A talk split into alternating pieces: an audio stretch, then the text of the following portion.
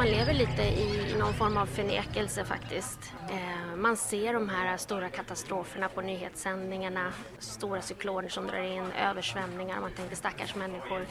Eh, men sen så går det på något vis över. Men det, det, är på något vis först när man är där. Och jag hade ju då förmånen att, att få åka dit och träffa människor och prata med dem. När de berättar om hur de har det. Och när man till slut inser att de kommer inte kunna bo kvar på den här platsen för fortsätter den här eh, höjningen av vattennivån, havs, havsnivån att höjas, då kommer hela det här området att ställas under vatten. Då kommer människorna i Bangladesh, om vi tar det som exempel, eh, i kustområdet att tvingas fly. Och just nu bor det 30 miljoner människor där. När hela det området står under vatten så måste de människorna ta vägen någonstans. Och det här är någonting som vi måste förhålla oss till redan nu. Och jag tycker nog att, att ja, man vet om det lite teoretiskt men det har liksom inte landat egentligen att, att det är allvarligt. Och det här måste man börja förhålla sig till och, och liksom ta på allvar. the last eight years, more than 201 million people have been displaced because of disasters, floods, earthquakes, or basic uh, shortfall of rain. And I live in Ethiopia, and you probably know very, very much uh, current crisis that's been going on in Ethiopia because of uh, climate-related rainfalls and uh, what they call El Nino uh, that has really uh, affected a lot of farmers and affected a lot of pastoralists and, and seen some heightened insecurity when it comes to food.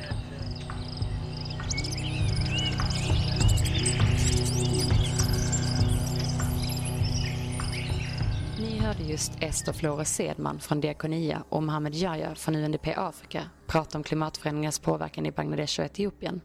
FNs flyktingorgan UNHCR beräknar att 250 miljoner människor kommer att vara på flykt på grund av klimatförändringar år 2050.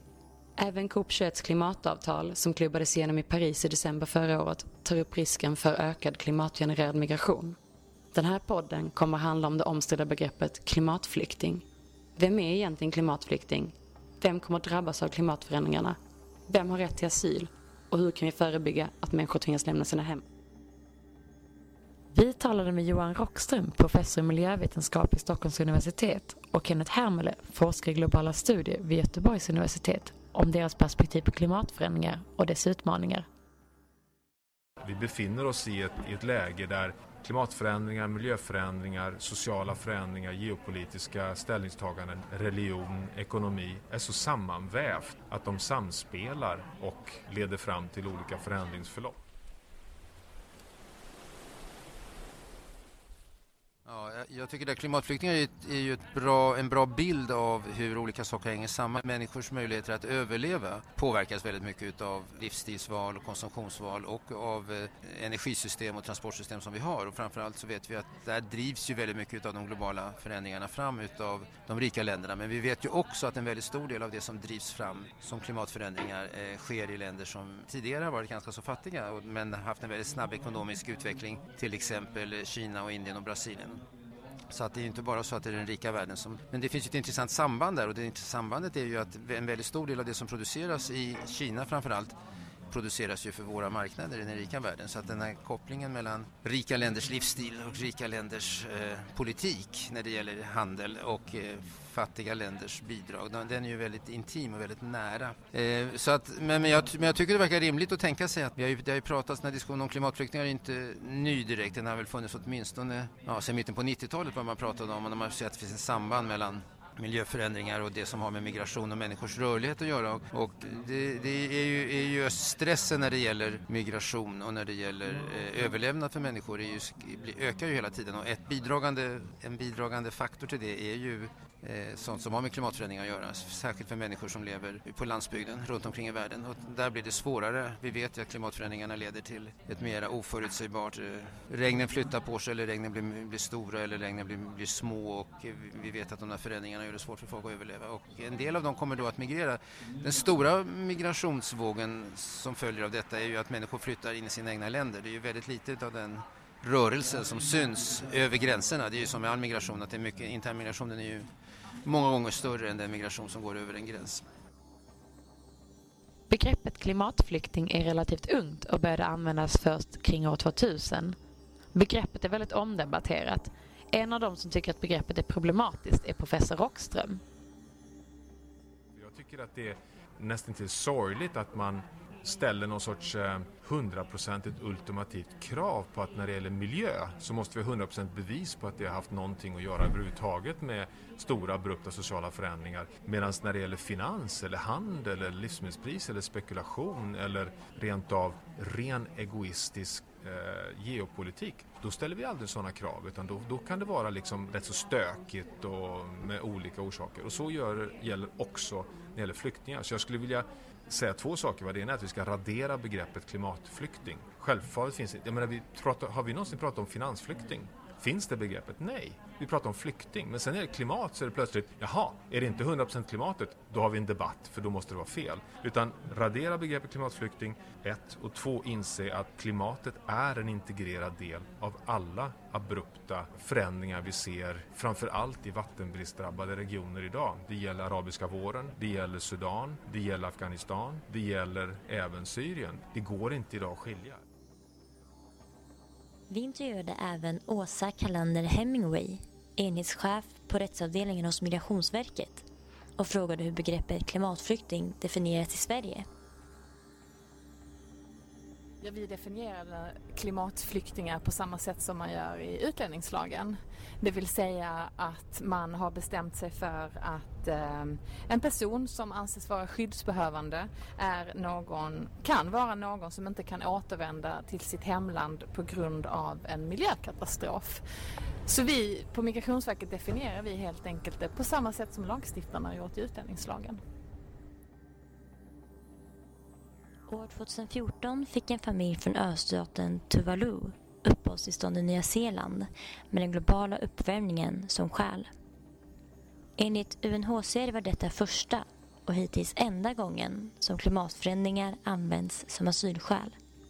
Detta kan delvis bero på att människor som flyr på grund av klimatförändringar inte klassas som flyktingar i enlighet med FNs flyktingkonvention intressant att notera att begreppet flykting är ju definierat dels i utlänningslagen men också i en internationell konvention, FNs eh, konvention eh, för eh, den rättsliga ställningen för flyktingar. Där är det väldigt definierat och begränsat vem det är att betrakta som flykting. Och inom det begreppet så ryms inte klimatförändringar eller personer som flyr på grund av miljökatastrofer. Så därför skulle eventuellt mer korrekt att prata om klimatmigranter eftersom begreppet flykting är juridiskt kopplat till en viss konvention. I Sveriges nuvarande asyllagstiftning finns det en paragraf som gör att du kan söka asyl om du inte kan återvända till ditt hemland på grund av en miljökatastrof. I Sveriges nya asyllag, som trädde i kraft den 20 juli, har dock vissa grupper av migranter inte längre möjlighet att få uppehållstillstånd. Vi frågade Kalander Hemingway hur lagändringen påverkar människor som flyr från klimatförändringar och naturkatastrofer.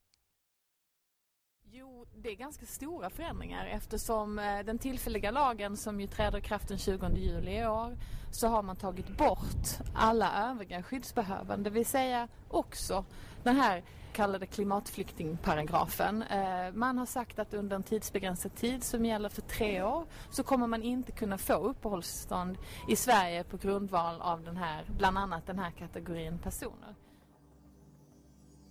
Kvinnans situation och roll är en fråga som ofta glöms bort när klimatfrågan diskuteras. Sanningen är dock att kvinnor i synnerhet drabbas oftare och hårdare av ett förändrat oberäkneligt klimat. Idag beräknas nämligen 65-70% av världens fattiga vara kvinnor som på grund av fattigdom, diskriminering och sociala normer har svårt att anpassa sig till klimatförändringarna. Vi ska nu få lyssna på Linnea Engström, Europaparlamentariker för Miljöpartiet. Menar exempelvis på att klimatfrågan har vuxit fram som en av vår tids viktigaste feministiska frågor som allting annat så är klimatregimen väldigt ojämställd. Om du tittar på var pengarna kommer ifrån och vart de går så är det väldigt mycket styrt av män och eh, de klimatfinansiering som vi har idag den går till eh, teknikintensiva lösningar av män för män i princip om man hårdrar. Väldigt, väldigt lite av de klimatanpassningsmedel som finns tillgängliga idag går till kvinnors behov, eh, i de allra mest utsatta länderna. Och då vet vi att kvinnor är, på grund av diskriminering, på grund av sociala normer i de här mest, länderna som är mest utsatta för klimatförändringar, de är de som är mest utsatta men också de som är starka förändringsaktörer. Så skulle vi rikta mer medel, helt enkelt mer klimatanpassningsmedel till de här kvinnorna så, skulle vi, så är det en väldigt, väldigt kraftfull klimatåtgärd för att tackla liksom, de klimatförändringar som vi ser. Så det är ju bara eh, realpolitik egentligen, som det alltid är med jämställdhet. Det är en otroligt god och effektiv investering för framtiden. Men det händer inte riktigt. Och också representationen är ju urusel. Genom våra intervjuer i detta reportage hoppas vi att ni har lärt er mer om klimatflyktingar och varför begreppet både är omdiskuterat och inte har så starkt fäste i delar av forskarvärlden. Frågan är hur frågan ska hanteras och hur vi kan arbeta förberedande för att se till att en situation med hundratals miljoner klimatflyktingar inte ska uppstå. Johan Rockström och Kenneth Hermele ger oss sin syn och sina svar på dessa frågor. Steg ett är faktiskt att en gång för alla upphöra att tänka på oss själva som att vi befinner oss inom en nationalstat. Alltså, nationalstaten Sverige finns förstås och kommer fortsätta finnas men, men i termer av vår framtid som mänsklighet, framtid som svensk på jorden så är nationalstaten helt meningslös. Den är passé. För nu måste vi tänka på ett enda sätt, nämligen att vi har ett klimat. Vi har en biosfär och vi har ett havssystem och vi har ett issystem och den förvaltningen måste nu ske på planetär nivå. Det innebär att Sverige, att vi som svenska medborgare måste känna ett, ett kollektivt ansvar både för att fasa ur alla fossila energikällor inom 30 år till 2050-2060 men också eh, förstå att, att eh, välfärden hos oss enskilda svenskar är ju förstås priore ett. Men priore 1b är att säkra att det finns möjligheter för välfärd och utveckling hos en eh, Tuvalu-medborgare. Och det som är så intressant är att vi har ett riksdagsbeslut på det här. Vi har ju faktiskt 16 miljömål och ett generationsmål. Och generationsmålet säger att vi ska lösa alla våra miljöproblem inom en generation på ett sätt som inte underminerar nästa generations möjlighet till välfärd i alla delar av världen. Så att vi har ju till och med nedskrivet att vi ska faktiskt förvalta Sverige på ett sätt som inkluderar förvaltning av planeten. Och, och det här tycker jag det är nummer ett. Va? Och nummer två så, så tycker jag att vi, vi måste vi får inte göra det vi gör idag där vi exempelvis nu frånsäger oss ansvaret för Sveriges brunkol i Tyskland med argumentet att våra interna inrikesregler inom juridik och ekonomi gör att vi kan inte längre tjäna pengar på det här och därför så måste vi sälja. Självklart är det precis tvärtom. Tar man ett klimatflyktingansvar, tar man ett klimatansvar, tar man ett juridiskt ansvar för det Parisavtal som vi nu har skrivit på som är juridiskt bindande, kräver det att Sverige tar ansvar för sina utsläpp av växthusgaser. Både det brunkol som Sverige äger, svenska medborgare äger i Tyskland och för det konsumtionsfotavtryck som vi står för i hela vår livsstil. Och det inkluderas i det nödvändiga ansvaret som vi måste ta. Det innebär att varenda svensk måste varenda dag agera som en medborgare på planeten jorden. Jag tycker att, eh, att det ett är viktigt att eh, ha den frågan på bordet men den är ju oerhört känslig som vi alla vet och den, beror, den är känslig för att den, den leder, tycker jag, väldigt hälsosamt till att vi går långt bortom ekonomi och långt bortom konventionell politik utan vi kommer in i grundfrågor som rör etik och moral. Det vill säga vilket, vilken moralisk rätt har vi som svenska medborgare att genom vår subventionerade livsstil där vi utan någon kostnad tillåts förstöra klimatet när det orsakar potentiellt sett katastrof som gör att hela nationer försvinner. Jag menar, nu befinner vi oss i den här intervjun på Gotland. Tänk om budskapet var att Gotland håller på att försvinna på grund av att eh, Bangladesh släpper ut så mycket växthusgaser. Det skulle ju leda till revolt bland gotlänningar. Alltså det finns ju inte en chans i världen att gotlänningar skulle acceptera en situation där en annan nations ohållbara BNP-tillväxt som orsakar kopiösa mängder klimatskadliga växthusgaser skulle tillåtas underminera existensen i en annan nation. Men det är precis det vi har idag. Fast det omvända, det är rika länder som orsakar det potentiellt sett mot vissa fattiga länder. Så att jag tycker att även om det då är en väldigt svår fråga så är det en nödvändig fråga att ha med i klimatförhandlingarna och att det handlar i grunden om solidaritet, etik och moral. Och att det här är jätte, jättesvårt för att av två skäl. Det ena är att det, det skapar väldigt mycket emotionella och starkt kritiska röster förstås från de som är de potentiella offren. Och där ska man ju börja med att erkänna att Visst är det väl remarkabelt, eller hur, att Tuvalu och Maldiverna och Seychellerna är fortfarande så konstruktiva att man inte har nästintill eh, aggressiv revolt utan snarare ett väldigt konstruktivt förhållningssätt till de här frågorna. Vilket jag betvivlar att länder som USA och Sverige skulle kunna ha om vi var offren.